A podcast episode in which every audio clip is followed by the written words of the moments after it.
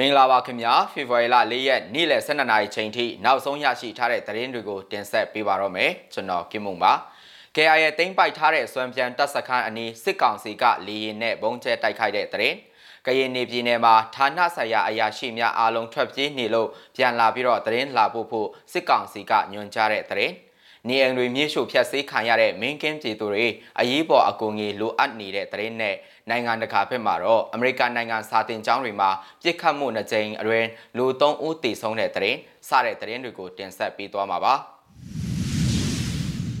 KIA တင်ပိုက်ထားတဲ့ဆွမ်းပြန်တပ်စခန်းအနီးစစ်ကောင်စီကလီရင်နဲ့ဘုံကျဲတိုက်ခိုက်တဲ့သတင်းနဲ့စားလိုက်ချင်ပါတယ်။ ကချင်ပြည်နယ်မှာကချင်လွတ်လပ်ရေးတပ်မတော် KIA ကတင်ပိုက်ထားတဲ့ဆွမ်းပြန်ကြီးပါရှိစစ်ကောင်စီတပ်စခန်းကိုပြန်လည်ရရှိဖို့စစ်ကောင်စီကလီရင်တွေနဲ့ဘုံကျဲတိုက်ခိုက်နေကြောင်းဒေသခံတွေကပြောပါတယ်။စစ်ကောင်စီဘက်က Jet Fighter နှစ်စီးနဲ့မနေ့ကညနေ၄နာရီခွဲခန့်ကစပြီးဘုံကျဲခဲ့ရာစွမ်ပြန်ကြီးရွာရှိလူနေအိမ်၅လုံးပျက်စီးခဲ့တဲ့အပြင်ဒေသခံရွာသား၅ဦးထိခိုက်ဒဏ်ရာရရှိထားကြောင်းကနဦးသိရပါတယ်။ စွမ်ပြန်စစ်ကောင်စီတပ်စခန်းဟာပူတာအိုလမ်းပိုင်းမှာအထိုင်ချတပ်ဆွဲထားတဲ့စခန်းဖြစ်ပြီးဖေဖော်ဝါရီလတရက်နေ့မှာကချင်လွတ်လပ်ရေးတပ်မတော် KIA ကဦးဆောင်က PDF ပူးပေါင်းတပ်ဖွဲ့ဝင်တွေကထိုးစစ်ဆင်တိုက်ခိုက်သိမ်းယူခဲ့တဲ့တပ်စခန်းဖြစ်ပါတယ်ခင်ဗျာ။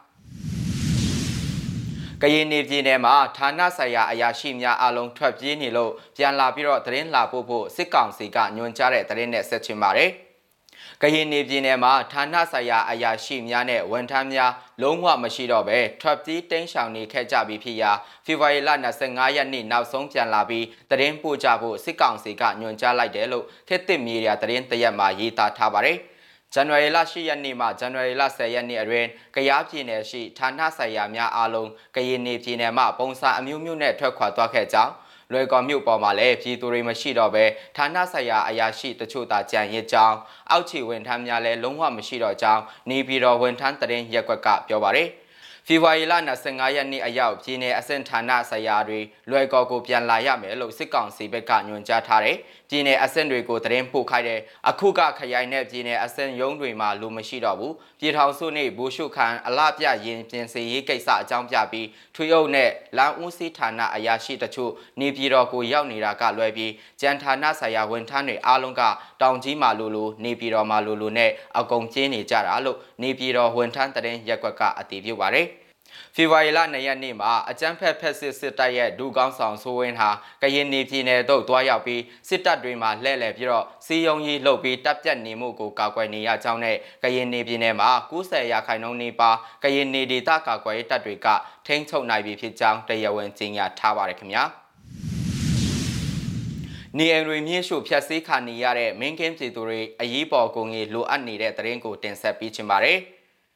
စကိုင်းတိုင်းကလေးခရိုင်မင်းကင်းမြို့နယ်ကပြည်သူတွေရဲ့နေအိမ်တွေကိုစစ်ကောင်စီတပ်ဖွဲ့ဝင်တွေကမိရှုဖျက်ဆီးခဲ့တာကြောင့်နေထိုင်စားတောက်ရေးအပါအဝင် အခြားသောအခက်အခဲများရှိနေပါတယ်လို့သိရပါတယ်။ဇန်နဝါရီလ31ရက်နဲ့ဖေဖော်ဝါရီလ1ရက်နေ့တွေမှာစစ်ကောင်စီတပ်ဖွဲ့နဲ့ပြူစောတိအဖွဲ့တွေကကြီးရွာပေါင်း၄ရွာကနေအိမ်စုစုပေါင်း150ကျော်ကိုမီးရှို့ဖျက်ဆီးသွားကြတာပါ။ ပြည်သူတွေဟာနေအိမ်တွေနဲ့စပကြီးတွေပါမီးလောင်ပျက်စီးသွားတာကြောင့်နေထိုင်စားတောက်ရေးတွေအပြင်လူအသုံးဆောင်ပစ္စည်းတွေပါအခက်အခဲဖြစ်နေကြောင်းဆောင်းရသည့်အေးတံကိုလည်းခံစားနေရပြီးတက်ကြီးရွယ်အိုတွေနဲ့ကလေးငယ်တွေပါဝင်တာကြောင့်အကူအငွေတွေအရေးပေါ်လိုအပ်နေတာလို့မင်းကင်းမြို့နယ်ပြည်သူ့ကာကွယ်ရေးကောင်းဆောင်ဘူတန်လုံးကပြောကြောင်း DVB သတင်းမှာရေးသားထားပါတယ်။ မိဘတဲ့ပြည်သူတို့ကကျွန်တော်တို့ပြည်သူတွေအနေနဲ့အနည်းနည်းအလားလားဆူဆောင်းပြမှတိဆောက်ခဲ့ရတဲ့အဆောက်အအုံလေးတွေကိုဒီလိုကြီးရက်ရက်ဆက်ဆက်မေးရှို့သွားကြတော့ဝမ်းနဲ့ပက်လက်ဖြစ်ရတာပေါ့အဝရထဲကလည်းစစ်ဘေးရှောင်စင်ကပါလာခဲ့တဲ့သုံးဆောင်လောက်ပဲယူလာနိုင်ခဲ့တယ်အခုချိန်ကတောင်သူတိမ့်တဲ့အချိန်လည်းဖြစ်နေတာဆိုတော့ကျွန်တော်အိမ်မှာဆိုရင်စီထွက်တင်းတာတွေဖြစ်တဲ့မီပဲတွေလဲရဆက်သုံးတွေပါမီးထဲပါသွားတာဆိုတော့နောက်ထပ်ပြန်လဲထူထောင်ဖို့ဆိုတာကလည်းတော်တော်လေးခက်ခဲအောင်ပါလို့ပြောပါတယ် အခုလိုအပြစ်မဲ့ပြည်သူတွေရဲ့အသက်အိုးအိမ်ပစ္စည်းတွေကိုရက်ရက်ဆက်ဆက်မိရှုဖျက်ဆီးသွားတဲ့စစ်အာဏာရှင်တချို့ကိုအမြင့်ပြတ်တဲ့အထိဆက်လက်တိုက်ပွဲဝင်သွားမယ်လို့အသက်ကိုရင်းပြီးကတိတစ္ဆာထပ်လောင်းပြုကြောင်းဘူတန်လုံးကပြောပါတယ်မင်းကင်းမြို့နယ်အရင်းမှာစစ်ကောင်စီတပ်ဖွဲ့မိရှုဖျက်ဆီးသွားခဲ့တဲ့ကြေးရွာတွေကတော့ဘင်ကြေးရွာတဲတန်းကြေးရွာအုံနေဘုတ်ကြေးရွာနဲ့အနောက်တော်ကြေးရွာတို့ဖြစ်တယ်လို့သိရပါတယ်ခင်ဗျာ။ နိုင်ငံတကာဘက်မှာတော့အမေရိကန်နိုင်ငံစာတင်ကျောင်းတွေမှာပြစ်ခတ်မှုနဲ့ကျင်အရင်လူ၃ဦးသေဆုံးတဲ့သတင်းကိုတင်ဆက်ပေးချင်ပါတယ်။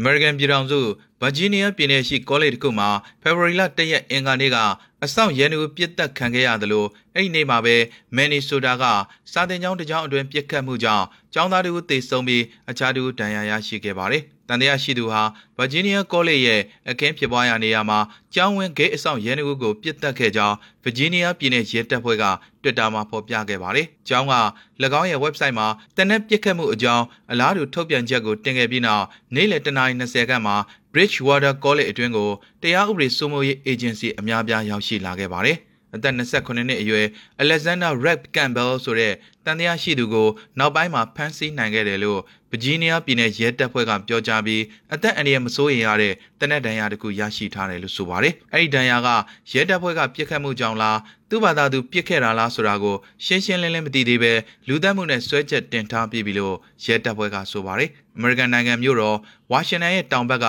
Bridgewater တရှိရာ Bridgewater မြို့မှာမွန်လွဲတနာရီမိနစ်30လောက်ကတနက်သမားထွက်ပြေးနေကြောင်းသတိပေးချက်ထုတ်ပြန်ခဲ့တယ်လို့ဒေတာရင်းမီဒီယာတွေမှာဖော်ပြခဲ့ပါတယ်။ ညနေ၄နာရီခွဲမှာအန်နီယကင်းရှင်းသွားပြီဖြစ်ကြောင်းကျောင်းကနေရှင်းရှင်းလင်းလင်းအသိပေးချက်ထုတ်ပြန်ခဲ့ပါတယ်။အသက်22နှစ်အရွယ်ကျောင်းသားကက်စီထရူစလိုကအခင်းဖြစ်ပွားချိန်မှာစာသင်ခန်းအဆောက်အဦရဲ့အပြင်ဘက်ကနေတနက်တန်ကြားခဲ့ရတယ်လို့ Washington Post ကိုပြောပြပါတယ်။ဒုတိယတစ်ကြိမ်ပြစ်တော့ကျွန်တော်တို့ကျမ်းပြင်ပေါ်မှာမှောက်နေကြတာတနာရီလောက်ကြာတယ်လို့သူမကပြောပါတယ်။ဗာဂျီးနီးယားပြည်နယ်အုပ်ချုပ်ရေးမှူးဂလန်ယောင်ကင်က Bridge College ရဲ့အခြေအနေတွေကိုအကျဉ်းချုပ်ထုတ်ပြန်ထားပါတယ်။ တနက်သမားကိုဖမ်းမိထားပြီးပြည်내နဲ့ဒေသဆိုင်ရာရဲတွေအကင်းဖြစ်ပွားရာနေရာမှာရှိနေပါတယ်လို့သူကဆိုပါတယ်။